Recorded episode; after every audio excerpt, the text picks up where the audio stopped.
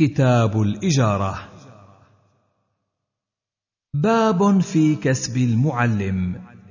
حدثنا أبو بكر بن أبي شيبة حدثنا وكيع وحميد بن عبد الرحمن الرؤاسي عن مغيرة بن زياد عن عبادة بن نسي عن الأسود بن ثعلبة عن عبادة بن الصامت قال علمت ناسا من أهل الصفة القرآن والكتاب فأهدى إلي رجل منهم قوسا فقلت ليست بمال وأرمي عليها في سبيل الله لآتين رسول الله صلى الله عليه وسلم فلاسالنه فأتيته فقلت يا رسول الله رجل أهدى إلي قوسا ممن كنت أعلمه الكتاب والقرآن وليست بمال وأرمي عنها في سبيل الله تعالى. قال إن كنت تحب أن تطوق طوقا من نار فاقبلها. حدثنا عمرو بن عثمان وكثير بن عبيد قال حدثنا بقية حدثني بشر بن عبد الله بن يسار. قال عمرو وحدثني عبادة بن نسي عن جنادة بن أبي أمية عن عبادة بن الصامت نحو هذا الخبر والأول أتم. فقلت ما ترى فيها يا رسول الله؟ فقال جمرة بين كتفيك تقلدتها أو تعلقتها. باب في كسب الأطباء. حدثنا مسدد حدثنا أبو عوانة عن أبي بشر عن أبي المتوكل عن أبي سعيد الخدري أن رهطا من أصحاب النبي صلى الله عليه وسلم انطلقوا في سفرة سافروها فنزلوا بحي من أحياء العرب فاستضافوهم فأبوا أن يضيفوهم. قال فلدغ سيد ذلك الحي فشفوا له بكل شيء لا ينفعه شيء. فقال بعضهم لو أتيتم هؤلاء الرهط الذين نزلوا بكم لعل أن يكون عند بعضهم شيء ينفع صاحبكم. فقال بعضهم إن سيدنا لدغ فشفينا له بكل شيء فلا ينفعه شيء فهل عند أحد منكم شيء يشفي صاحبنا؟ يعني رقية. فقال رجل من القوم إني لأرقي ولكن استضفناكم فأبيتم أن تضيفونا. ما أنا براق حتى تجعلوا لي جعلا. فجعلوا له قطيعا من الشاء. فأتاه فقرأ عليه بأم الكتاب ويتفل حتى برئ كأنما أنشط من عقال. قال فأوفاهم جعله الذي صالحوه عليه. فقالوا اقتسموا. فقال الذي رقى لا تفعلوا حتى نأتي رسول الله صلى الله عليه وسلم فنستامره فغدوا على رسول الله صلى الله عليه وسلم فذكروا ذلك له. فقال رسول الله صلى الله عليه وسلم من أين علمتم أنها رقية؟ أحسنتم واضربوا لي معكم بسهم. حدثنا الحسن بن علي حدثنا يزيد بن هارون أخبرنا هشام بن حسان عن محمد بن سيرين عن أخيه معبد بن سيرين عن أبي سعيد الخدري. عن النبي صلى الله عليه وسلم بهذا الحديث.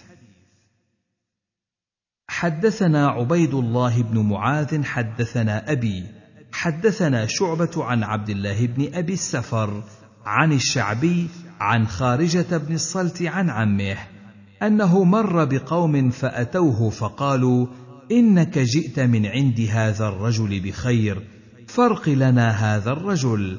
فأتوه برجل معتوه في القيود فرقاه بأم القرآن ثلاثة أيام غدوة وعشية وكلما ختمها جمع بزاقه ثم تفل فكأنما أنشط من عقال فأعطوه شيئا فأتى النبي صلى الله عليه وسلم فذكره له فقال رسول الله صلى الله عليه وسلم كل فلعمري لمن أكل برقية باطل لقد أكلت برقية حق. باب في كسب الحجام. حدثنا موسى بن إسماعيل حدثنا أبان عن يحيى عن إبراهيم بن عبد الله يعني بن قارض عن السائب بن يزيد عن رافع بن خديج أن رسول الله صلى الله عليه وسلم قال كسب الحجام خبيث وثمن الكلب خبيث ومهر البغي خبيث. حدثنا عبد الله بن مسلمة القعنبي عن مالك عن ابن شهاب عن ابن محيصة عن أبيه أنه استأذن رسول الله صلى الله عليه وسلم في إجارة الحجام فنهاه عنها فلم يزل يسأله ويستأذنه حتى أمره أن اعلفه ناضحك ورقيقك. حدثنا مسدد أخبرنا يزيد يعني بن زريع حدثنا خالد عن عكرمة عن ابن عباس قال احتجم رسول الله صلى الله عليه وسلم وأعطى الحجام أجراه ولو علمه خبيثا لم يعطه. حدثنا القعنبي عن مالك عن حميد الطويل عن أنس بن مالك أنه قال حجم أبو طيبة رسول الله صلى الله عليه وسلم فأمر له بصاع من تمر وأمر أهله أن يخففوا عنه من خراجه. باب في كسب الإماء. حدثنا عبيد الله بن معاذ حدثنا أبي حدثنا شعبة عن محمد بن جحادة قال سمعت أبا حازم سمع أبا هريرة قال نهى رسول الله صلى الله عليه وسلم عن كسب الإماء. حدثنا هارون بن عبد الله حدثنا هاشم بن القاسم أخبرنا عكرمة حدثني طارق بن عبد الرحمن القرشي قال جاء رافع بن رفاعة إلى مجلس الأنصار فقال لقد نهانا نبي الله صلى الله عليه وسلم اليوم فذكر أشياء ونهانا عن كسب الأمة إلا ما عملت بيدها. وقال هكذا بأصابعه نحو الخبز والغزل والنفش. حدثنا أحمد بن صالح حدثنا ابن أبي فديك عن عبيد الله يعني ابن هرير عن أبيه عن جده رافع هو ابن خديج قال نهى رسول الله صلى الله عليه وسلم عن كسب الأمة حتى يعلم من أين هو. باب حلوان الكاهن. حدثنا قتيبة عن سفيان عن الزهري عن أبي بكر بن عبد الرحمن عن أبي مسعود عن النبي صلى الله عليه وسلم أنه نهى عن ثمن الكلب ومهر البغي وحلوان الكاهن. باب في عسب الفحل. حدثنا مسدد بن مسرهد أخبرنا إسماعيل عن علي بن الحكم عن نافع عن ابن عمر قال نهى رسول الله صلى الله عليه وسلم عن عسب الفحل. باب في الصائغ. حدثنا موسى بن إسماعيل حدثنا حماد بن سلمة أخبرنا محمد بن إسحاق عن العلاء بن عبد الرحمن عن أبي ماجده قال قطعت من أذن غلام أو قطع من أذني. فقدم علينا أبو بكر حاجا فاجتمعنا إليه فرفعنا إلى عمر بن الخطاب فقال عمر إن هذا قد بلغ القصاص ادعوا لي حجاما ليقتص منه. فلما دعي الحجام قال سمعت رسول الله صلى الله عليه وسلم يقول إني وهبت لخالتي غلاما وأنا أرجو أن يبارك لها فيه. فقلت لها لا تسلميه حجاما ولا صائغا ولا قصابا. قال أبو داود روى عبد الأعلى عن ابن إسحاق قال ابن ماجدة رجل من بني سهم عن عمر بن الخطاب. حدثنا يوسف بن موسى حدثنا سلمة بن الفضل حدثنا ابن إسحاق عن العلاء بن عبد الرحمن عن أبي ماجدة السهمي عن عمر بن الخطاب عن النبي صلى الله عليه وسلم نحوه. حدثنا الفضل بن يعقوب حدثنا عبد الأعلى عن محمد بن إسحاق قال حدثني العلاء بن عبد الرحمن الحرقي عن ابن ماجده رجل من بني سهم عن عمر بن الخطاب قال سمعت النبي صلى الله عليه وسلم يقول بمعناه باب في العبد يباع وله مال. حدثنا أحمد بن حنبل حدثنا سفيان عن الزهري عن سالم عن أبيه عن النبي صلى الله عليه وسلم قال من باع عبدا وله مال فماله للبائع إلا أن يشترطه المبتاع. ومن باع نخلا مؤبرا فالثمره للبائع الا ان يشترط المبتاع. حدثنا القعنبي عن مالك عن نافع عن ابن عمر عن عمر عن رسول الله صلى الله عليه وسلم بقصه العبد وعن نافع عن ابن عمر عن النبي صلى الله عليه وسلم بقصه النخل. قال ابو داود واختلف الزهري ونافع في أربعة أحاديث هذا أحدها. حدثنا مسدد حدثنا يحيى عن سفيان. حدثني سلمه بن كهيل. حدثني من سمع جابر بن عبد الله يقول قال رسول الله صلى الله عليه وسلم من باع عبدا وله مال فالمال للبائع إلا أن يشترط المبتاع. باب في التلقي. حدثنا عبد الله بن مسلمة القعنبي عن مالك عن نافع عن عبد الله بن عمر أن رسول الله صلى الله عليه وسلم قال لا يبع بعضكم على بيع بعض ولا تلقوا السلع حتى يهبط بها الأسواق. حدثنا الربيع بن نافع أبو توبة حدثنا عبيد الله يعني بن عمرو الرقي عن أيوب عن ابن سيرين عن أبي هريرة أن النبي صلى الله عليه وسلم نهى عن تلقي الجلب فإن تلقاه متلق مشتر فاشتراه فصاحب السلعة بالخيار إذا وردت السوق. قال أبو داود قال سفيان لا يبع بعضكم على بيع بعض أن يقول إن عندي خيرا منه بعشرة. باب في النهي عن النجش. حدثنا أحمد بن عمرو بن السرح حدثنا سفيان عن الزهري عن سعيد بن المسيب عن أبي هريرة قال قال رسول الله صلى الله عليه وسلم لا تناجشوا. باب في النهي أن يبيع حاضر لباد.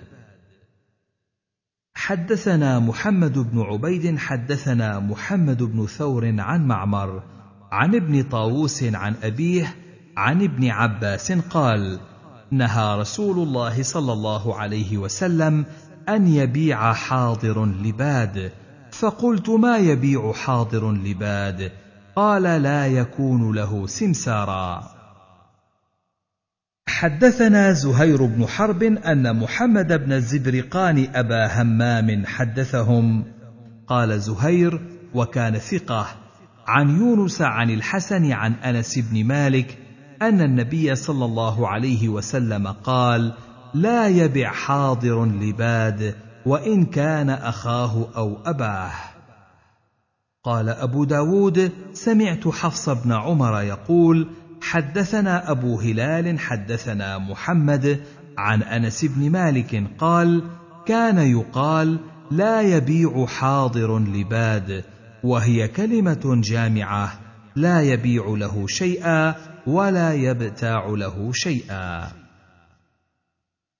حدثنا موسى بن إسماعيل حدثنا حماد عن محمد بن إسحاق عن سالم المكي أن اعرابيا حدثه أنه قدم بحلوبة له على عهد رسول الله صلى الله عليه وسلم فنزل على طلحة بن عبيد الله فقال إن النبي صلى الله عليه وسلم نهى أن يبيع حاضر لباد ولكن اذهب إلى السوق فانظر من يبايعك فشاورني حتى آمرك وأنهاك. حدثنا عبد الله بن محمد النفيلي حدثنا زهير حدثنا أبو الزبير عن جابر قال قال رسول الله صلى الله عليه وسلم لا يبع حاضر لباد وذروا الناس يرزق الله بعضهم من بعض. باب من اشترى مصرات فكرهها.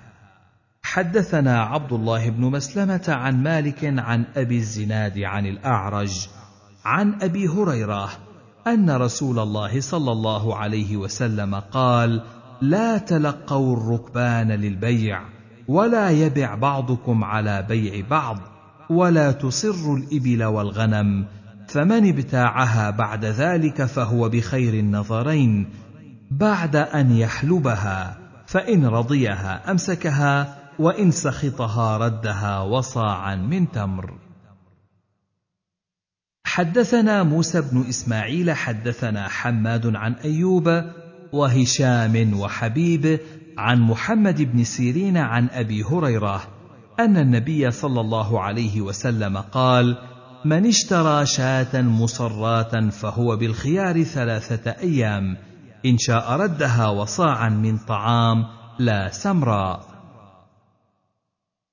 حدثنا عبد الله بن مخلد التميمي حدثنا المكي يعني ابن إبراهيم أخبرنا ابن جريج حدثني زياد أن ثابتا مولى عبد الرحمن بن زيد أخبره أنه سمع أبا هريرة يقول قال رسول الله صلى الله عليه وسلم من اشترى غنما مصرات احتلبها فإن رضيها أمسكها وإن سخطها ففي حلبتها صاع من تمر.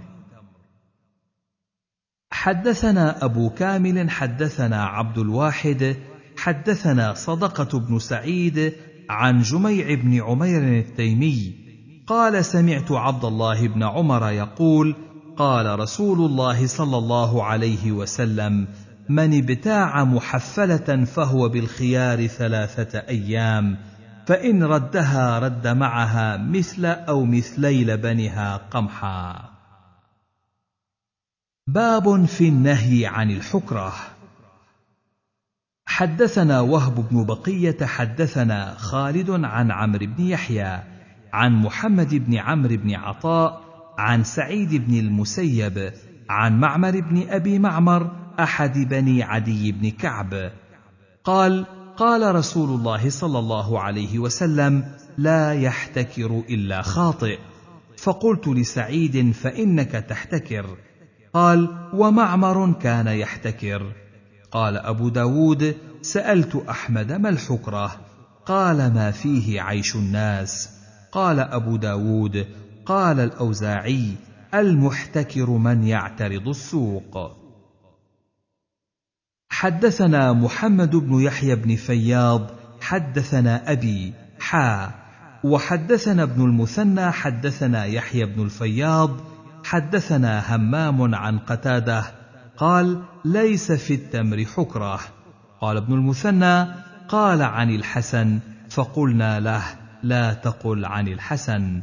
قال أبو داود هذا الحديث عندنا باطل. قال أبو داود وكان سعيد بن المسيب يحتكر النوى والخبط والبزر. قال أبو داود سمعت أحمد بن يونس قال سألت سفيان عن كبس القت قال كانوا يكرهون الحكرة وسألت أبا بكر بن العياش فقال اكبسه باب في كسر الدراهم. حدثنا أحمد بن حنبل أخبرنا معتمر. قال سمعت محمد بن فضاء يحدث عن أبيه عن علقمة بن عبد الله. عن أبيه قال نهى رسول الله صلى الله عليه وسلم أن تكسر سكة المسلمين الجائزة بينهم إلا من بأس. باب في التسعير. حدثنا محمد بن عثمان الدمشقي أن سليمان بن بلال حدثهم قال حدثني العلاء بن عبد الرحمن عن أبيه عن أبي هريرة أن رجلا جاء فقال يا رسول الله سعر. فقال بل أدعو. ثم جاء رجل فقال يا رسول الله سعر. فقال بل الله يخفض ويرفع وإني لأرجو أن ألقى الله وليس لأحد عندي مظلمة. حدثنا عثمان بن أبي شيبة حدثنا عفان حدثنا حماد بن سلمة. أخبرنا ثابت عن أنس بن مالك وقتادة وحميد عن أنس بن مالك قال قال الناس يا رسول الله قال السعر فسعر لنا. قال رسول الله صلى الله عليه وسلم إن الله هو المسعر القابض الباسط الرازق. وإني لأرجو أن ألقى الله وليس أحد منكم يطالبني بمظلمة في دم ولا مال. باب في النهي عن الغش. حدثنا أحمد بن حنبل أخبرنا سفيان بن عيينة عن العلاء عن أبيه عن أبي هريرة أن رسول الله صلى الله عليه وسلم مر برجل يبيع طعاما فسأله كيف تبيع؟ فاخبره فأوحي إليه أن أدخل يدك فيه فأدخل يده فإذا هو مبلول. فقال رسول الله صلى الله عليه وسلم ليس منا من غش. حدثنا الحسن بن الصباح عن علي عن يحيى قال كان سفيان يكره هذا التفسير ليس منا ليس مثلنا. باب في خيار المتبايعين. حدثنا عبد الله بن مسلمة عن مالك عن نافع عن عبد الله بن عمر أن رسول الله صلى الله عليه وسلم قال المتبايعان كل واحد منهما بالخيار على صاحبه ما لم يتفرقا إلا بيع الخيار. حدثنا موسى بن إسماعيل حدثنا حماد عن أيوب عن نافع عن ابن عمر عن النبي صلى الله عليه وسلم بمعناه. قال أو يقول أحدهما لصاحبه اختر. حدثنا قتيبة بن سعيد حدثنا الليث عن ابن عجلان عن عمرو بن شعيب عن أبيه عن عبد الله بن عمرو بن العاص أن رسول الله صلى الله عليه وسلم قال: المتبايعان بالخيار ما لم يفترقا إلا أن تكون صفقة خيار، ولا يحل له أن يفارق صاحبه خشية أن يستقله. حدثنا مسدد حدثنا حماد عن جميل بن مرة عن أبي الوضيء قال غزونا غزوة لنا فنزلنا منزلا فباع صاحب لنا فرسا بغلام ثم أقام بقية يومهما وليلتهما. فلما أصبحنا من الغد حضر الرحيل قام إلى فرسه يسرجه فندم فأتى الرجل وأخذه بالبيع فأبى الرجل أن يدفعه إليه. فقال بيني وبينك أبو برزة صاحب النبي صلى الله عليه وسلم. فأتيا أبا برزة في ناحية العسكر فقالا له هذه القصة فقال أترضيان أن أقضي بينكما بقضاء رسول الله صلى الله عليه وسلم؟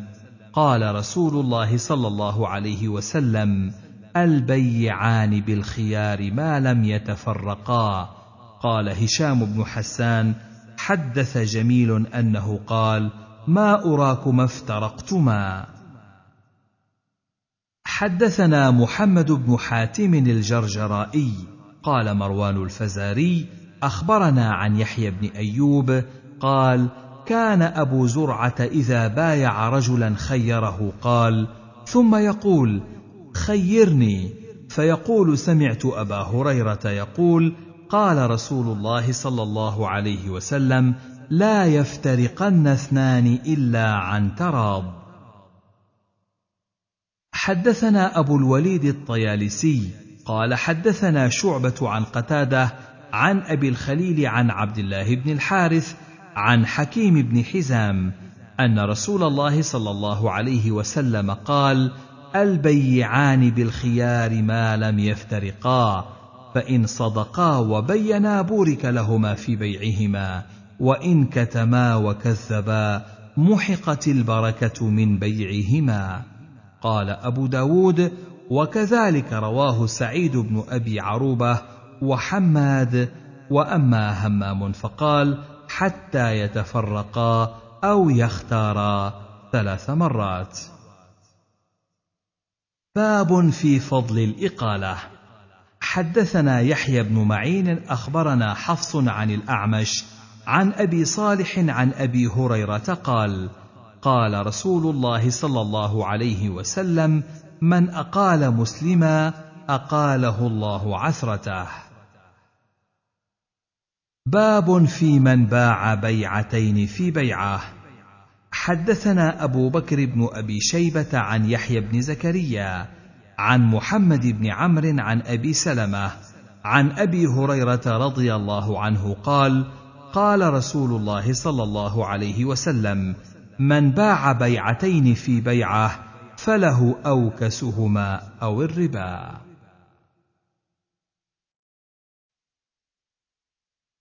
باب في النهي عن العينة. حدثنا سليمان بن داود المهري أخبرنا ابن وهب أخبرني حيوة بن شريح حا وحدثنا جعفر بن مسافر التنيسي حدثنا عبد الله بن يحيى البرلسي حدثنا حيوة بن شريح عن إسحاق أبي عبد الرحمن قال سليمان عن أبي عبد الرحمن الخراساني أن عطاء الخراساني حدثه أن نافعا حدثه عن ابن عمر قال سمعت رسول الله صلى الله عليه وسلم يقول إذا تبايعتم بالعينة وأخذتم أذناب البقر ورضيتم بالزرع وتركتم الجهاد سلط الله عليكم ذلا لا ينزعه حتى ترجعوا إلى دينكم. قال أبو داود الإخبار لجعفر وهذا لفظه. باب في السلف. حدثنا عبد الله بن محمد النفيلي حدثنا سفيان عن ابن أبي نجيح عن عبد الله بن كثير عن أبي المنهال عن ابن عباس قال قدم رسول الله صلى الله عليه وسلم المدينة وهم يسلفون في التمر السنة والسنتين والثلاث. فقال رسول الله صلى الله عليه وسلم من أسلف في تمر فليسلف في كيل معلوم ووزن معلوم إلى أجل معلوم. حدثنا حفص بن عمر حدثنا شعبة حا وحدثنا ابن كثير أخبرنا شعبة أخبرني محمد أو عبد الله بن مجالد قال اختلف عبد الله بن شداد وأبو بردة في السلف فبعثوني إلى ابن أبي أوفى فسألته فقال إن كنا نسلف على عهد رسول الله صلى الله عليه وسلم وأبي بكر وعمر في الحنطة والشعير والتمر والزبيب.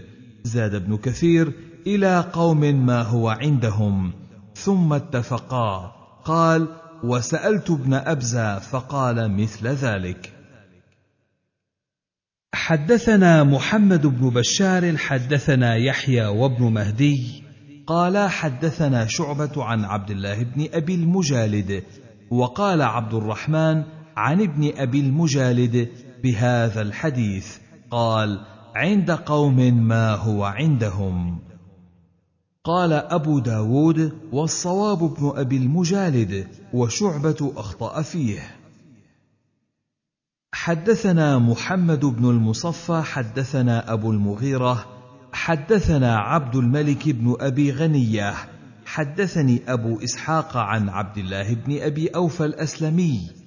قال غزونا مع رسول الله صلى الله عليه وسلم الشام فكان يأتينا أنباط من أنباط الشام فنسلفهم في البر والزيت سعرا معلوما واجلا معلوما. فقيل له ممن له ذلك؟ قال ما كنا نسألهم. باب في السلم في ثمرة بعينها. حدثنا محمد بن كثير أخبرنا سفيان عن أبي إسحاق عن رجل نجراني عن ابن عمر أن رجلا أسلف رجلا في نخل فلم تخرج تلك السنة شيئا فاختصما إلى النبي صلى الله عليه وسلم فقال بم تستحل ماله؟ أردد عليه ماله. ثم قال لا تسلفوا في النخل حتى يبدو صلاحه. باب السلف يحول. حدثنا محمد بن عيسى حدثنا أبو بدر عن زياد بن خيثمة عن سعد يعني الطائي عن عطية بن سعد عن أبي سعيد الخدري قال قال رسول الله صلى الله عليه وسلم من أسلف في شيء فلا يصرفه إلى غيره. باب في وضع الجائحة.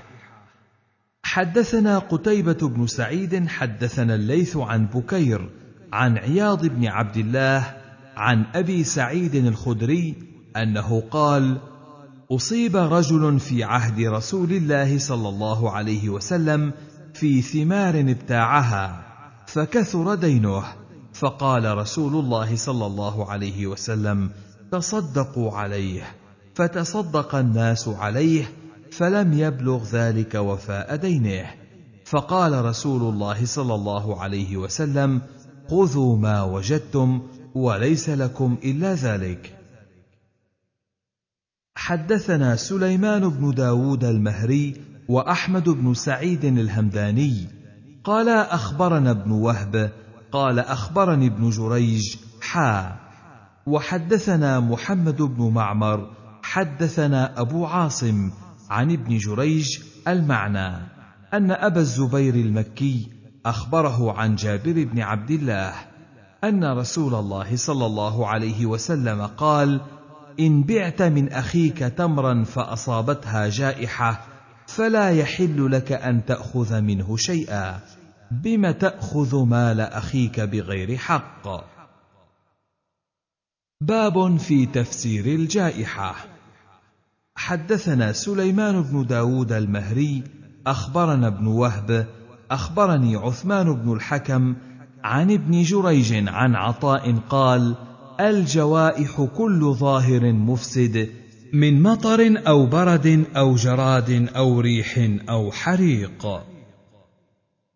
حدثنا سليمان بن داود أخبرنا ابن وهب أخبرني عثمان بن الحكم عن يحيى بن سعيد أنه قال لا جائحة فيما أصيب دون ثلث رأس المال. قال يحيى وذلك في سنة المسلمين. باب في منع الماء. حدثنا عثمان بن أبي شيبة حدثنا جرير عن الأعمش عن أبي صالح عن أبي هريرة قال قال رسول الله صلى الله عليه وسلم لا يمنع فضل الماء ليمنع به الكلا حدثنا أبو بكر بن أبي شيبة حدثنا وكيع حدثنا الأعمش عن أبي صالح عن أبي هريرة قال قال رسول الله صلى الله عليه وسلم ثلاثة لا يكلمهم الله يوم القيامة رجل منع ابن السبيل فضل ماء عنده. ورجل حلف على سلعة بعد العصر يعني كاذبا. ورجل بايع إماما فإن أعطاه وفى له وإن لم يعطه لم يف له حدثنا عثمان بن أبي شيبة أخبرنا جرير عن الأعمش بإسناده ومعناه. قال ولا يزكيهم ولهم عذاب أليم. وقال في السلعة بالله لقد أعطي بها كذا وكذا فصدقه الآخر وأخذها. حدثنا عبيد الله بن معاذ حدثنا أبي حدثنا كهمس عن سيار بن منظور رجل من بني فزارة عن أبيه عن امرأة يقال لها بهيسة. عن أبيها قالت استأذن أبي النبي صلى الله عليه وسلم فدخل بينه وبين قميصه فجعل يقبل ويلتزم. ثم قال يا نبي الله ما الشيء الذي لا يحل منعه قال الماء. قال يا نبي الله ما الشيء الذي لا يحل منعه قال الملح. قال يا نبي الله ما الشيء الذي لا يحل منعه قال إن تفعل الخير خير لك. حدثنا علي بن الجعد اللؤلؤي حدثنا حريز بن عثمان عن حبان بن زيد الشرعبي عن رجل من قرن حا وحدثنا مسدد حدثنا عيسى بن يونس حدثنا حريز بن عثمان حدثنا أبو خداش وهذا لفظ علي عن رجل من المهاجرين من أصحاب النبي صلى الله عليه وسلم قال غزوت مع النبي صلى الله عليه وسلم ثلاثا. أسمعه يقول المسلمون شركاء في ثلاث في الماء والكلأ والنار. باب في بيع فضل الماء. حدثنا عبد الله بن محمد النفيلي حدثنا داود بن عبد الرحمن العطار عن عمرو بن دينار عن أبي المنهال عن إياس بن عبد أن رسول الله صلى الله عليه وسلم نهى عن بيع فضل الماء. باب في ثمن السنور. حدثنا إبراهيم بن موسى الرازي حا وحدثنا الربيع بن نافع أبو توبة وعلي بن بحر. قال حدثنا عيسى وقال إبراهيم أخبرنا عن الأعمش عن أبي سفيان عن جابر بن عبد الله أن النبي صلى الله عليه وسلم نهى عن ثمن الكلب والسنور. حدثنا أحمد بن حنبل حدثنا عبد الرزاق حدثنا عمر بن زيد الصنعاني أنه سمع أبا الزبير عن جابر أن النبي صلى الله عليه وسلم نهى عن ثمن الهرة. باب في أثمان الكلاب. حدثنا قتيبة بن سعيد حدثنا سفيان عن الزهري عن أبي بكر بن عبد الرحمن عن أبي مسعود عن النبي صلى الله عليه وسلم أنه نهى عن ثمن الكلب ومهر البغي وحلوان الكاهن. حدثنا الربيع بن نافع أبو توبة. حدثنا عبيد الله يعني بن عمرو عن عبد الكريم عن قيس بن حبتر عن عبد الله بن عباس قال نهى رسول الله صلى الله عليه وسلم عن ثمن الكلب وإن جاء يطلب ثمن الكلب فاملأ كفه ترابا. حدثنا أبو الوليد الطيالسي حدثنا شعبة أخبرني عون بن أبي جحيفة أن أباه قال إن رسول الله صلى الله عليه وسلم نهى عن ثمن الكلب. حدثنا أحمد بن صالح حدثنا ابن وهب حدثني معروف بن سويد الجذامي أن علي بن رباح اللخمي حدثه أنه سمع أبا هريرة يقول قال رسول الله صلى الله عليه وسلم لا يحل ثمن الكلب ولا حلوان الكاهن. ولا مهر البغي.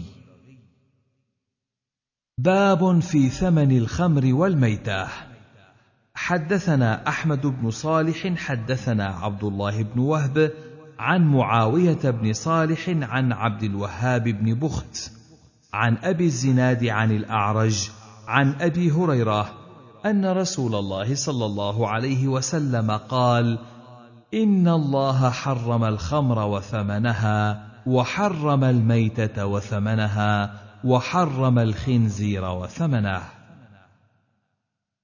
حدثنا قتيبة بن سعيد حدثنا الليث عن يزيد بن أبي حبيب عن عطاء بن أبي رباح عن جابر بن عبد الله أنه سمع رسول الله صلى الله عليه وسلم يقول عام الفتح وهو بمكة ان الله حرم بيع الخمر والميته والخنزير والاصنام فقيل يا رسول الله ارايت شحوم الميته؟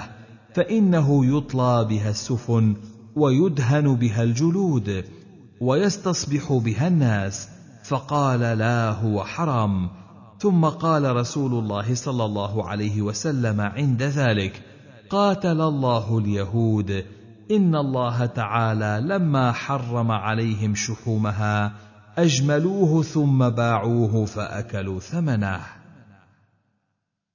حدثنا محمد بن بشار حدثنا ابو عاصم عن عبد الحميد بن جعفر عن يزيد بن ابي حبيب قال كتب الي عطاء عن جابر نحوه لم يقل هو حرام. حدثنا مسدد أن بشر بن المفضل وخالد بن عبد الله حدثاهم. المعنى عن خالد الحذاء عن بركة. قال مسدد في حديث خالد بن عبد الله عن بركة أبي الوليد. ثم اتفقا عن ابن عباس. قال رأيت رسول الله صلى الله عليه وسلم جالسا عند الركن. قال فرفع بصره إلى السماء فضحك فقال لعن الله اليهود. ثلاثا إن الله تعالى حرم عليهم الشحوم فباعوها وأكلوا اثمانها وإن الله تعالى إذا حرم على قوم أكل شيء حرم عليهم ثمنه. ولم يقل في حديث خالد بن عبد الله الطحان رأيت وقال قاتل الله اليهود. حدثنا عثمان بن أبي شيبة حدثنا ابن إدريس ووكيع عن طعمة بن عمرو الجعفري عن عمر بن بيان التغلبي عن عروة بن المغيرة بن شعبة عن المغيرة بن شعبة قال قال رسول الله صلى الله عليه وسلم من باع الخمر فليشقص الخنازير. حدثنا مسلم بن إبراهيم حدثنا شعبة عن سليمان عن أبي الضحى عن مسروق عن عائشة قالت لما نزلت الآيات الأواخر من سورة البقرة خرج رسول الله صلى الله عليه وسلم فقرأهن علينا وقال حرمت التجارة في الخمر حدثنا عثمان بن أبي شيبة حدثنا أبو معاوية عن الأعمش بإسناده ومعناه. قال الآيات الأواخر في الربا. باب في بيع الطعام قبل أن يستوفى. حدثنا عبد الله بن مسلمة عن مالك عن نافع عن ابن عمر أن رسول الله صلى الله عليه وسلم قال من ابتاع طعاما فلا يبعه حتى يستوفيه حدثنا عبد الله بن مسلمة عن مالك عن نافع عن ابن عمر أنه قال كنا في زمان رسول الله صلى الله عليه وسلم نبتاع الطعام فيبعث علينا من يأمرنا بانتقاله من المكان الذي ابتعناه فيه إلى مكان سواه قبل أن نبيعه يعني جزافا. حدثنا أحمد بن حنبل حدثنا يحيى عن عبيد الله. قال أخبرني نافع عن ابن عمر قال كانوا يبتاعون الطعام جزافا بأعلى السوق فنهى رسول الله صلى الله عليه وسلم أن يبيعوه حتى ينقلوه. حدثنا أحمد بن صالح حدثنا ابن وهب حدثنا عمرو عن المنذر بن عبيد المديني أن القاسم بن محمد حدثه أن عبد الله بن عمر حدثه أن رسول الله صلى الله عليه وسلم نهى أن يبيع أحد طعاما اشتراه بكيل حتى يستوفيه حدثنا أبو بكر وعثمان بن أبي شيبة قال حدثنا وكيع عن سفيان عن ابن طاووس عن أبيه عن ابن عباس قال قال رسول الله صلى الله عليه وسلم من ابتاع طعاما فلا يبعه حتى يكتاله. زاد أبو بكر قال قلت لابن عباس لم؟ قال ألا ترى أنهم يبتاعون بالذهب والطعام مرجى حدثنا مسدد وسليمان بن حرب قال حدثنا حماد حا وحدثنا مسدد حدثنا أبو عوانة وهذا لفظ مسدد. عن عمرو بن دينار عن طاووس عن ابن عباس قال قال رسول الله صلى الله عليه وسلم إذا اشترى أحدكم طعاما فلا يبعه حتى يقبضه. قال سليمان بن حرب حتى يستوفيه زاد مسدد قال وقال ابن عباس وأحسب كل شيء مثل الطعام. حدثنا الحسن بن علي حدثنا عبد الرزاق أخبرنا معمر عن الزهري عن سالم عن ابن عمر قال رأيت الناس يضربون على عهد رسول الله صلى الله عليه وسلم إذا اشتروا الطعام جزافا أن يبيعوه حتى يبلغه إلى رحله.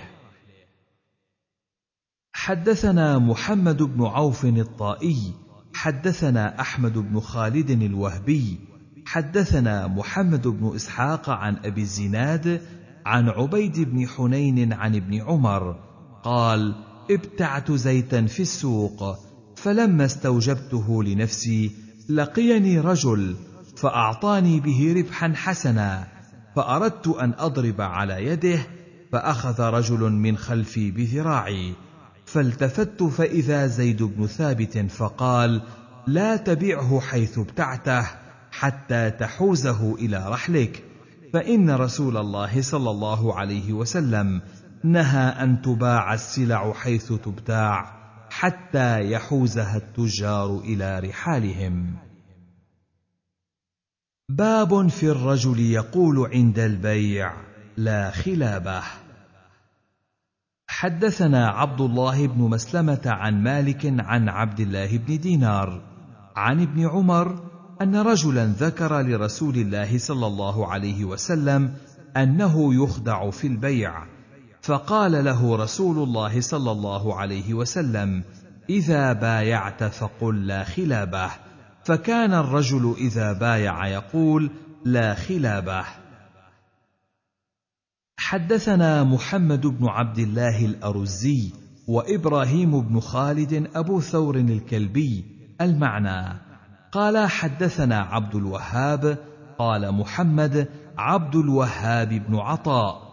قال أخبرنا سعيد عن قتادة عن أنس بن مالك أن رجلا على عهد رسول الله صلى الله عليه وسلم كان يبتاع وفي عقدته ضعف فأتى أهله نبي الله صلى الله عليه وسلم فقالوا يا نبي الله احجر على فلان فإنه يبتاع وفي عقدته ضعف. فدعاه النبي صلى الله عليه وسلم فنهاه عن البيع فقال يا رسول الله إني لا أصبر عن البيع. فقال رسول الله صلى الله عليه وسلم إن كنت غير تارك للبيع فقل هاء وهاء ولا خلابة. قال أبو ثور عن سعيد. باب في العربان. حدثنا عبد الله بن مسلمة قال قرأت على مالك بن أنس أنه بلغه عن عمرو بن شعيب عن أبيه عن جده أنه قال نهى رسول الله صلى الله عليه وسلم عن بيع العربان. قال مالك وذلك فيما نرى والله أعلم أن يشتري الرجل العبد أو يتكارى الدابة ثم يقول أعطيك دينارا على أني إن تركت السلعة أو الكراء فما أعطيتك لك. باب في الرجل يبيع ما ليس عنده. حدثنا مسدد حدثنا أبو عوانة عن أبي بشر عن يوسف بن ماهك عن حكيم بن حزام قال يا رسول الله يأتيني الرجل فيريد مني البيع ليس عندي أفأبتاعه له من السوق؟ فقال لا تبع ما ليس عندك. حدثنا زهير بن حرب حدثنا إسماعيل عن أيوب حدثني عمرو بن شعيب حدثني أبي عن أبيه عن أبيه حتى ذكر عبد الله بن عمرو. قال قال رسول الله صلى الله عليه وسلم لا يحل سلف وبيع ولا شرطان في بيع ولا ربح ما لم يضمن ولا بيع ما ليس عندك. باب في شرط في بيع. حدثنا مسدد حدثنا يحيى بن سعيد عن زكريا أخبرنا عامر عن جابر بن عبد الله قال بعته يعني بعيره من النبي صلى الله عليه وسلم واشترطت حملانه إلى أهلي. قال في آخره تراني إنما ماكستك لأذهب بجملك خذ جملك وثمنه فهما لك. باب في عهدة الرقيق. حدثنا مسلم بن إبراهيم حدثنا أبان عن قتادة عن الحسن عن عقبة بن عامر أن رسول الله صلى الله عليه وسلم قال عهدة الرقيق ثلاثة أيام. حدثنا هارون بن عبد الله حدثني عبد الصمد حدثنا همام عن قتادة بإسناده ومعناه. زاد إن وجد داء في الثلاث ليالي رد بغير بينة وإن وجد داء بعد الثلاث كلف البينة أنه اشتراه وبه هذا الداء. قال أبو داود هذا التفسير من كلام قتادة. باب في من اشترى عبدا فاستعمله ثم وجد به عيبا. حدثنا أحمد بن يونس أخبرنا ابن أبي ذئب عن مخلد بن خفاف عن عروة عن عائشة قالت قال رسول الله صلى الله عليه وسلم الخراج بالضمان.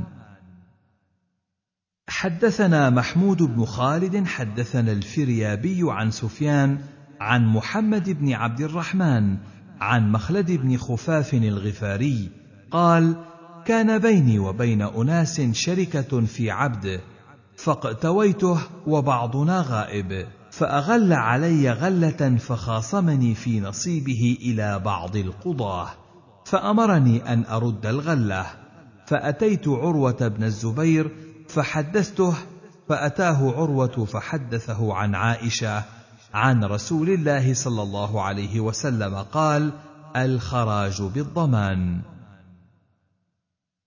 حدثنا إبراهيم بن مروان حدثنا أبي حدثنا مسلم بن خالد الزنجي حدثنا هشام بن عروة عن أبيه عن عائشة أن رجلا ابتاع غلاما فأقام عنده ما شاء الله أن يقيم ثم وجد به عيبا فخاصمه إلى النبي صلى الله عليه وسلم فرده عليه فقال الرجل يا رسول الله قد استغل غلامي. فقال رسول الله صلى الله عليه وسلم الخراج بالضمان.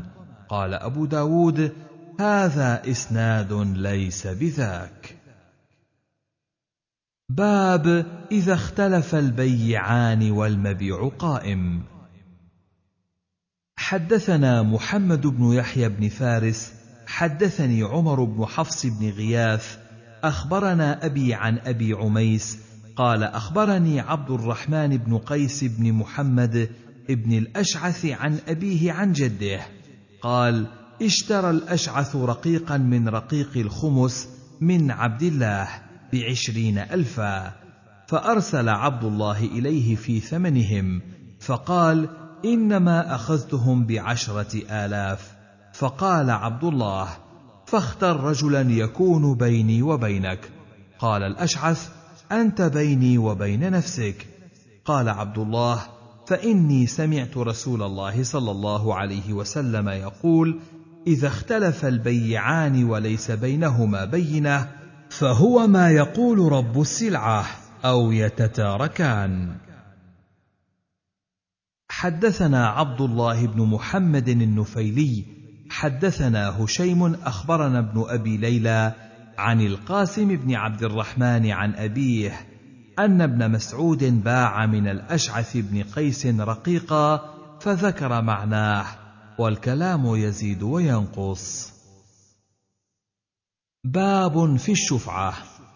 حدثنا أحمد بن حنبل حدثنا إسماعيل بن إبراهيم عن ابن جريج عن أبي الزبير عن جابر قال قال رسول الله صلى الله عليه وسلم الشفعة في كل شرك ربعة أو حائط لا يصلح أن يبيع حتى يؤذن شريكه فإن باع فهو أحق به حتى يؤذنه.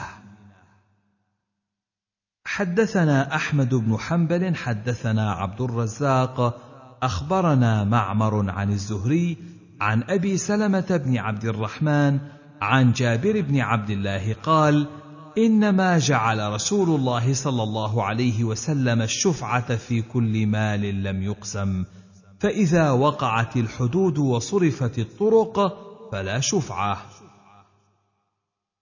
حدثنا محمد بن يحيى بن فارس حدثنا الحسن بن الربيع حدثنا ابن إدريس عن ابن جريج عن الزهري عن أبي سلمة أو عن سعيد بن المسيب أو عنهما. جميعا عن أبي هريرة قال قال رسول الله صلى الله عليه وسلم إذا قسمت الأرض وحدت فلا شفعة فيها. حدثنا عبد الله بن محمد النفيلي حدثنا سفيان عن إبراهيم بن ميسرة سمع عمرو بن الشريد سمع أبا رافع سمع النبي صلى الله عليه وسلم يقول الجار أحق بسقبه. حدثنا أبو الوليد الطيالسي حدثنا شعبة عن قتادة عن الحسن عن سمرة عن النبي صلى الله عليه وسلم جار الدار أحق بدار الجار أو الأرض. حدثنا أحمد بن حنبل حدثنا هشيم أخبرنا عبد الملك عن عطاء عن جابر بن عبد الله قال قال رسول الله صلى الله عليه وسلم الجار أحق بشفعة جاره ينتظر بها وإن كان غائبا إذا كان طريقهما واحدا. باب في الرجل يفلس فيجد الرجل متاعه بعينه عنده. حدثنا عبد الله بن مسلمة عن مالك حا وحدثنا النفيلي حدثنا زهير المعنى عن يحيى بن سعيد عن أبي بكر بن محمد بن عمرو بن حزم عن عمر بن عبد العزيز عن أبي بكر بن عبد الرحمن عن أبي هريرة أن رسول الله صلى الله عليه وسلم قال أيما رجل أفلس فأدرك الرجل متاعه بعينه فهو أحق به من غيره. حدثنا عبد الله بن مسلمة عن مالك عن ابن شهاب عن أبي بكر بن عبد الرحمن بن الحارث بن هشام أن رسول الله صلى الله عليه وسلم قال أيما رجل باع متاعا فأفلس الذي ابتاعه ولم يقبض الذي باعه من ثمنه شيئا فوجد متاعه بعينه فهو أحق به وإن مات المشتري فصاحب المتاع أسوة الغرماء. حدثنا محمد بن عوف الطائي حدثنا عبد الله بن عبد الجبار يعني الخبائري حدثنا إسماعيل يعني بن عياش عن الزبيدي قال أبو داود وهو محمد بن الوليد أبو الهذيل الحمصي عن الزهري عن أبي بكر بن عبد الرحمن عن أبي هريرة عن النبي صلى الله عليه وسلم نحوه قال فإن كان قضاه من ثمنها شيئا فما بقي فهو أسوة الغرماء وايما امرئ هلك وعنده متاع امرئ بعينه اقتضى منه شيئا أو لم يقتض فهو أسوة الغرماء. حدثنا سليمان بن داود حدثنا عبد الله يعني بن وهب أخبرني يونس عن ابن شهاب قال أخبرني أبو بكر بن عبد الرحمن بن الحارث بن هشام أن رسول الله صلى الله عليه وسلم فذكر معنى حديث مالك زاد وإن كان قد قضى من ثمنها شيئا فهو أسوة الغرماء فيها قال أبو بكر وقضى رسول الله صلى الله عليه وسلم أنه من توفي وعنده سلعة رجل بعينها لم يقض من ثمنها شيئا فصاحب السلعة أسوة الغرماء فيها. قال أبو داود حديث مالك أصح. حدثنا محمد بن بشار حدثنا أبو داود هو الطيالسي حدثنا ابن أبي ذئب عن أبي المعتمر عن عمر بن خلدة قال أتينا أبا هريرة في صاحب لنا أفلس فقال لأقضين فيكم بقضاء رسول الله صلى الله عليه وسلم. من أفلس أو مات فوجد رجل متاعه بعينه فهو أحق به. قال أبو داود من يأخذ بهذا؟ أبو المعتمر من هو؟ أي لا نعرفه. باب في من أحيا حسيرا. حدثنا موسى بن إسماعيل حدثنا حماد حا. وحدثنا موسى حدثنا أبان عن عبيد الله بن حميد بن عبد الرحمن الحميري عن الشعبي وقال عن أبان أن عامر الشعبي حدثه أن رسول الله صلى الله عليه وسلم قال: من وجد دابة قد عجز عنها أهلها أن يعلفوها فسيبوها فأخذها فأحياها فهي له. قال في حديث أبان قال عبيد الله فقلت عمن قال عن غير واحد من أصحاب النبي صلى الله عليه وسلم قال أبو داود هذا حديث حماد وهو أبين وأتم حدثنا محمد بن عبيد عن حماد يعني بن زيد عن خالد الحذاء عن عبيد الله بن حميد بن عبد الرحمن عن الشعبي يرفع الحديث إلى النبي صلى الله عليه وسلم أنه قال من ترك دابة بمهلك فأحياها رجل فهي لمن أحياها باب في الرهن. حدثنا هناد عن ابن المبارك عن زكريا عن الشعبي عن أبي هريرة عن النبي صلى الله عليه وسلم قال لبن الدر يحلب بنفقته إذا كان مرهونا والظهر يركب بنفقته إذا كان مرهونا وعلى الذي يحلب ويركب النفقة قال أبو داود هو عندنا صحيح حدثنا زهير بن حرب وعثمان بن أبي شيبة قال حدثنا جرير عن عمارة بن القعقاع عن أبي زرعة بن عمرو بن جرير أن عمر بن الخطاب قال قال النبي صلى الله عليه وسلم إن من عباد الله لأناسا ما هم بأنبياء ولا شهداء يغبطهم الأنبياء والشهداء يوم القيامة بمكانهم من الله. قالوا يا رسول الله تخبرنا من هم؟ قال هم قوم تحابوا بروح الله على غير أرحام بينهم ولا أموال يتعاطونها. فوالله إن وجوههم لنور وإنهم لعلى نور.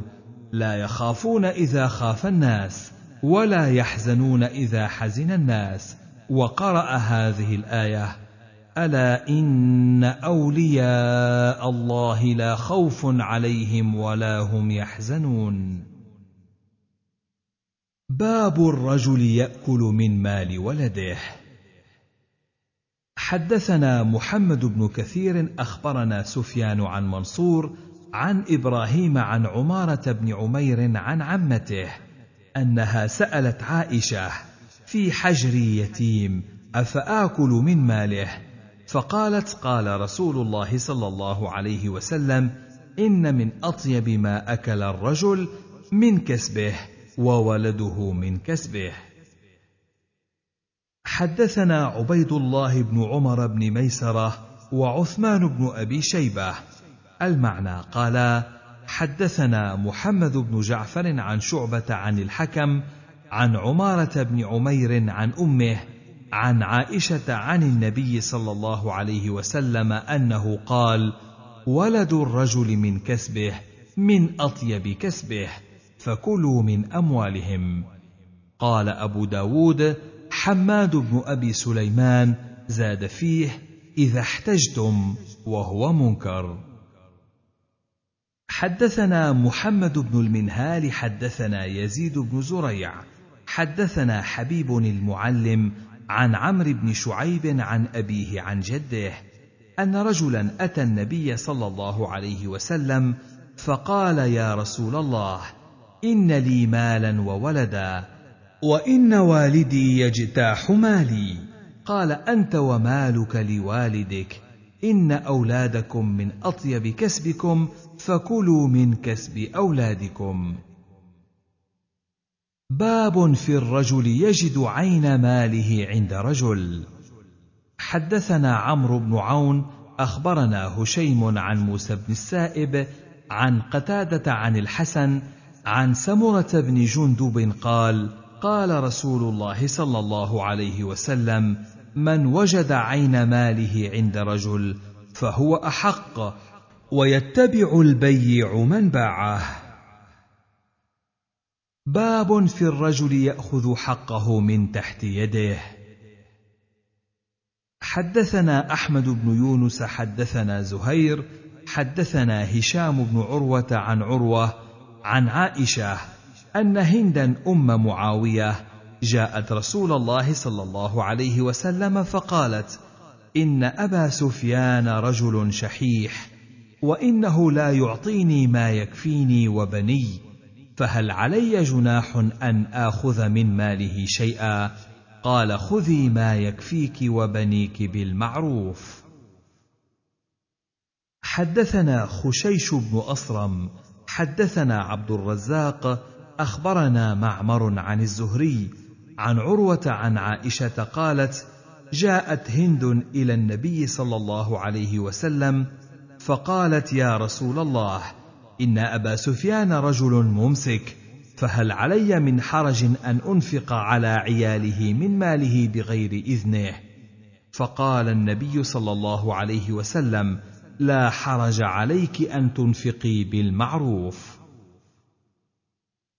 حدثنا أبو كامل أن يزيد بن زريع حدثهم حدثنا حميد يعني الطويل عن يوسف بن ماهك المكي قال كنت أكتب لفلان نفقه أيتام كان وليهم فغالطوه بألف درهم فأداها إليهم فأدركت لهم من مالهم مثليها.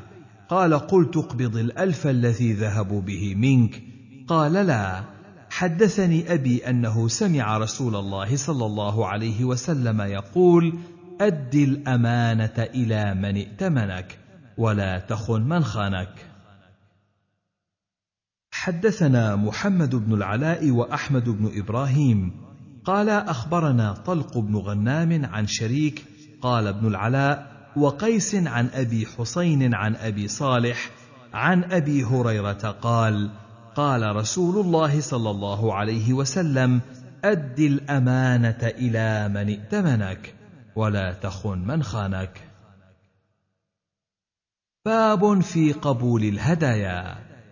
حدثنا علي بن بحر وعبد الرحيم بن مطرف الرؤاسي. قال حدثنا عيسى هو ابن يونس ابن أبي إسحاق السبيعي عن هشام بن عروة عن أبيه عن عائشة أن النبي صلى الله عليه وسلم كان يقبل الهدية ويثيب عليها. حدثنا محمد بن عمرو الرازي حدثنا سلمة يعني بن الفضل حدثني محمد بن إسحاق عن سعيد بن أبي سعيد المقبوري عن أبيه عن أبي هريرة قال قال رسول الله صلى الله عليه وسلم ويم الله لا أقبل بعد يومي هذا من أحد هدية إلا أن يكون مهاجريا قرشيا أو انصاريا أو دوسيا أو ثقفيا. باب الرجوع في الهبة. حدثنا مسلم بن إبراهيم أخبرنا أبان وهمام وشعبة قالوا أخبرنا قتادة عن سعيد بن المسيب عن ابن عباس عن النبي صلى الله عليه وسلم قال العائد في هبته كالعائد في قيئه. قال همام وقال قتادة ولا نعلم القيء إلا حراما. حدثنا مسدد أخبرنا يزيد يعني بن زريع.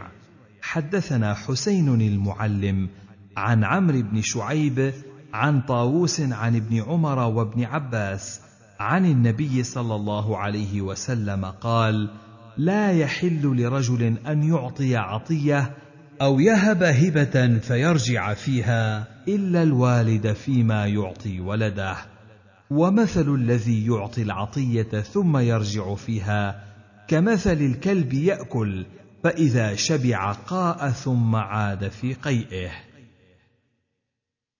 حدثنا سليمان بن داود المهري أخبرنا ابن وهب أخبرني أسامة بن زيد أن عمرو بن شعيب حدثه عن أبيه عن عبد الله بن عمرو عن رسول الله صلى الله عليه وسلم قال مثل الذي يسترد ما وهب كمثل الكلب يقيء فيأكل قيئه فإذا استرد الواهب فليوقف فليعرف بما استرد ثم ليدفع إليه ما وهب.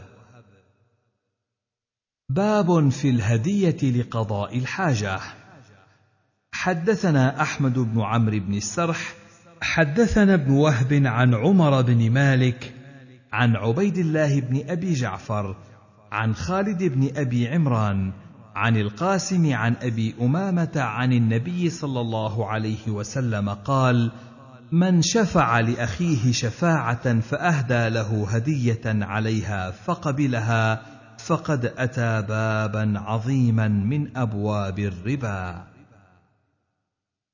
باب في الرجل يفضل بعض ولده في النحل. حدثنا أحمد بن حنبل حدثنا هشيم أخبرنا سيار وأخبرنا مغيرة وأخبرنا داود عن الشعبي وأنبأنا مجالد وإسماعيل بن سالم عن الشعبي عن النعمان بن بشير. قال أنحلني أبي نحلا قال إسماعيل بن سالم من بين القوم نحله غلاما له. قال فقالت له أمي عمرة بنت رواحة ائت رسول الله صلى الله عليه وسلم فأشهده. فأتى النبي صلى الله عليه وسلم فذكر ذلك له. قال فقال له إني نحلت ابني النعمان نحلا وإن عمرة سألتني أن أشهدك على ذلك. قال فقال ألك ولد سواه؟ قال قلت نعم. قال فكلهم أعطيت مثل ما أعطيت النعمان. قال لا. قال فقال بعض هؤلاء المحدثين هذا جور. وقال بعضهم هذا تلجئة فأشهد على هذا غيري. قال مغيرة في حديثه أليس يسرك أن يكونوا لك في البر واللطف سواء؟ قال نعم. قال فأشهد على هذا غيري. وذكر مجالد في حديثه إن لهم عليك من الحق أن تعدل بينهم كما أن لك عليهم من الحق أن يبروك. قال أبو داود في حديث الزهري قال بعضهم أكل بنيك؟ وقال بعضهم ولدك؟ وقال ابن أبي خالد عن الشعبي فيه ألك بنون سواه؟ وقال أبو الضحى عن النعمان بن بشير ألك ولد غيره؟ حدثنا عثمان بن أبي شيبة حدثنا جرير عن هشام بن عروة عن أبيه قال حدثني النعمان بن بشير قال أعطاه أبوه غلاما فقال له رسول الله صلى الله عليه وسلم ما هذا الغلام؟ قال غلامي أعطانيه أبي. قال فكل إخوتك أعطى كما أعطاك؟ قال لا. قال فاردده. حدثنا سليمان بن حرب حدثنا حماد عن حاجب بن المفضل بن المهلب عن أبيه قال سمعت النعمان بن بشير يقول قال رسول الله صلى الله عليه وسلم اعدلوا بين أبنائكم اعدلوا بين أبنائكم. حدثنا محمد بن رافع حدثنا يحيى بن آدم حدثنا زهير عن أبي الزبير عن جابر قال قالت امرأة بشير انحل ابني غلامك وأشهد لي رسول الله صلى الله عليه وسلم. فأتى رسول الله صلى الله عليه وسلم فقال إن ابنة فلان سألتني أن أنحل ابنها غلاما. فقالت لي أشهد رسول الله صلى الله عليه وسلم. فقال له إخوة فقال نعم. قال فكلهم أعطيت مثل ما أعطيته. قال لا. قال فليس يصلح هذا وإني لا أشهد إلا على الحق. باب في عطية المرأة بغير إذن زوجها. حدثنا موسى بن إسماعيل حدثنا حماد عن داود بن أبي هند وحبيب المعلم عن عمرو بن شعيب عن أبيه عن جده أن رسول الله صلى الله عليه وسلم قال لا يجوز لامرأة أمر في مالها إذا ملك زوجها عصمتها. حدثنا أبو كامل حدثنا خالد يعني بن الحارث أخبرنا حسين عن عمرو بن شعيب أن أباه أخبره عن عبد الله بن عمرو أن رسول الله صلى الله عليه وسلم قال لا تجوز لامرأة عطية إلا بإذن زوجها. باب في العمرة. حدثنا أبو الوليد الطيالسي حدثنا همام عن قتادة عن النضر بن أنس عن بشير بن نهيك عن أبي هريرة عن النبي صلى الله عليه وسلم قال العمرة جائزة. حدثنا أبو الوليد حدثنا همام عن قتادة عن الحسن عن سمرة عن النبي صلى الله عليه وسلم مثله. حدثنا موسى بن إسماعيل حدثنا أبان عن يحيى عن أبي سلمة عن جابر أن نبي الله صلى الله عليه وسلم كان يقول العمرى لمن وهبت له. حدثنا مؤمل بن الفضل الحراني حدثنا محمد بن شعيب أخبرني الأوزاعي عن الزهري عن عروة عن جابر أن النبي صلى الله عليه وسلم قال من أعمر عمرا فهي له ولعقبه يرثها من يرثه من عقبه. حدثنا أحمد بن أبي الحواري حدثنا الوليد عن الأوزاعي عن الزهري عن أبي سلمة وعروة عن جابر عن النبي صلى الله عليه وسلم بمعناه. قال أبو داود وهكذا رواه الليث بن سعد عن الزهري عن أبي سلمة عن جابر. باب من قال فيه ولعقبه. حدثنا محمد بن يحيى بن فارس ومحمد بن المثنى. قال حدثنا بشر بن عمر حدثنا مالك يعني ابن أنس عن ابن شهاب عن أبي سلمة عن جابر بن عبد الله أن رسول الله صلى الله عليه وسلم قال أيما رجل أعمر عمرا له ولعقبه فإنها للذي يعطاها لا ترجع إلى الذي أعطاها لأنه أعطى عطاء وقعت فيه المواريث.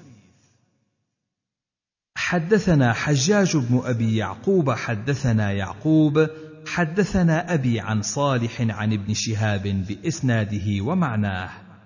قال أبو داود وكذلك رواه عقيل عن ابن شهاب ويزيد بن أبي حبيب عن ابن شهاب واختلف على الأوزاعي عن ابن شهاب في لفظه ورواه فليح بن سليمان مثل ذلك.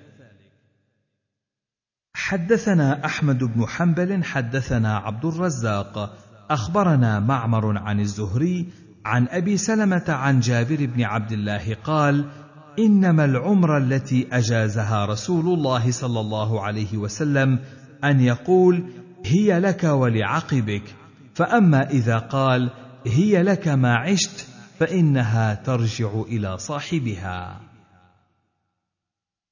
حدثنا إسحاق بن إسماعيل حدثنا سفيان عن ابن جريج عن عطاء عن جابر أن النبي صلى الله عليه وسلم قال لا ترقبوا ولا تعمروا فمن أرقب شيئا أو أعمره فهو لورثته. حدثنا عثمان بن أبي شيبة حدثنا معاوية بن هشام حدثنا سفيان عن حبيب يعني بن أبي ثابت عن حميد الأعرج عن طارق المكي عن جابر بن عبد الله قال قضى رسول الله صلى الله عليه وسلم في امرأة من الأنصار أعطاها ابنها حديقة من نخل فماتت فقال ابنها إنما أعطيتها حياتها وله إخوة فقال رسول الله صلى الله عليه وسلم هي لها حياتها وموتها قال كنت تصدقت بها عليها. قال ذلك أبعد لك.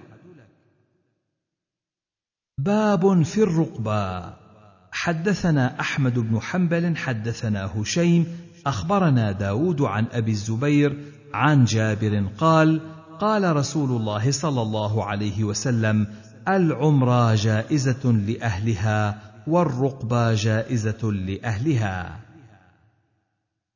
حدثنا عبد الله بن محمد النفيلي قال قرأت على معقل عن عمرو بن دينار عن طاووس عن حجر عن زيد بن ثابت قال: قال رسول الله صلى الله عليه وسلم: من أعمر شيئا فهو لمعمره محياه ومماته ولا ترقبوا فمن أرقب شيئا فهو سبيله. حدثنا عبد الله بن الجراح عن عبيد الله بن موسى عن عثمان بن الأسود عن مجاهد قال العمر أن يقول الرجل للرجل هو لك ما عشت فإذا قال ذلك فهو له ولورثته والرقبة هو أن يقول الإنسان هو للآخر مني ومنك. باب في تضمين العارية. حدثنا مسدد بن مسرهد حدثنا يحيى عن ابن أبي عروبة عن قتادة عن الحسن عن سمرة عن النبي صلى الله عليه وسلم قال على اليد ما أخذت حتى تؤدي ثم إن الحسن نسي فقال هو أمينك لا ضمان عليه. حدثنا الحسن بن محمد وسلمة بن شبيب قالا حدثنا يزيد بن هارون حدثنا شريك عن عبد العزيز بن رفيع عن أمية بن صفوان بن أمية عن أبيه أن رسول الله صلى الله عليه وسلم استعار منه أدرعا يوم حنين فقال أغصب يا محمد؟ فقال لا بل عارية مضمونة. قال أبو داود هذه رواية يزيد ببغداد. وفي روايته بواسط تغير على غير هذا حدثنا أبو بكر بن أبي شيبة حدثنا جرير عن عبد العزيز بن رفيع عن أناس من آل عبد الله بن صفوان أن رسول الله صلى الله عليه وسلم قال: يا صفوان هل عندك من سلاح؟ قال عارية أم غصبا؟ قال لا بل عارية فأعاره ما بين الثلاثين إلى الأربعين درعا.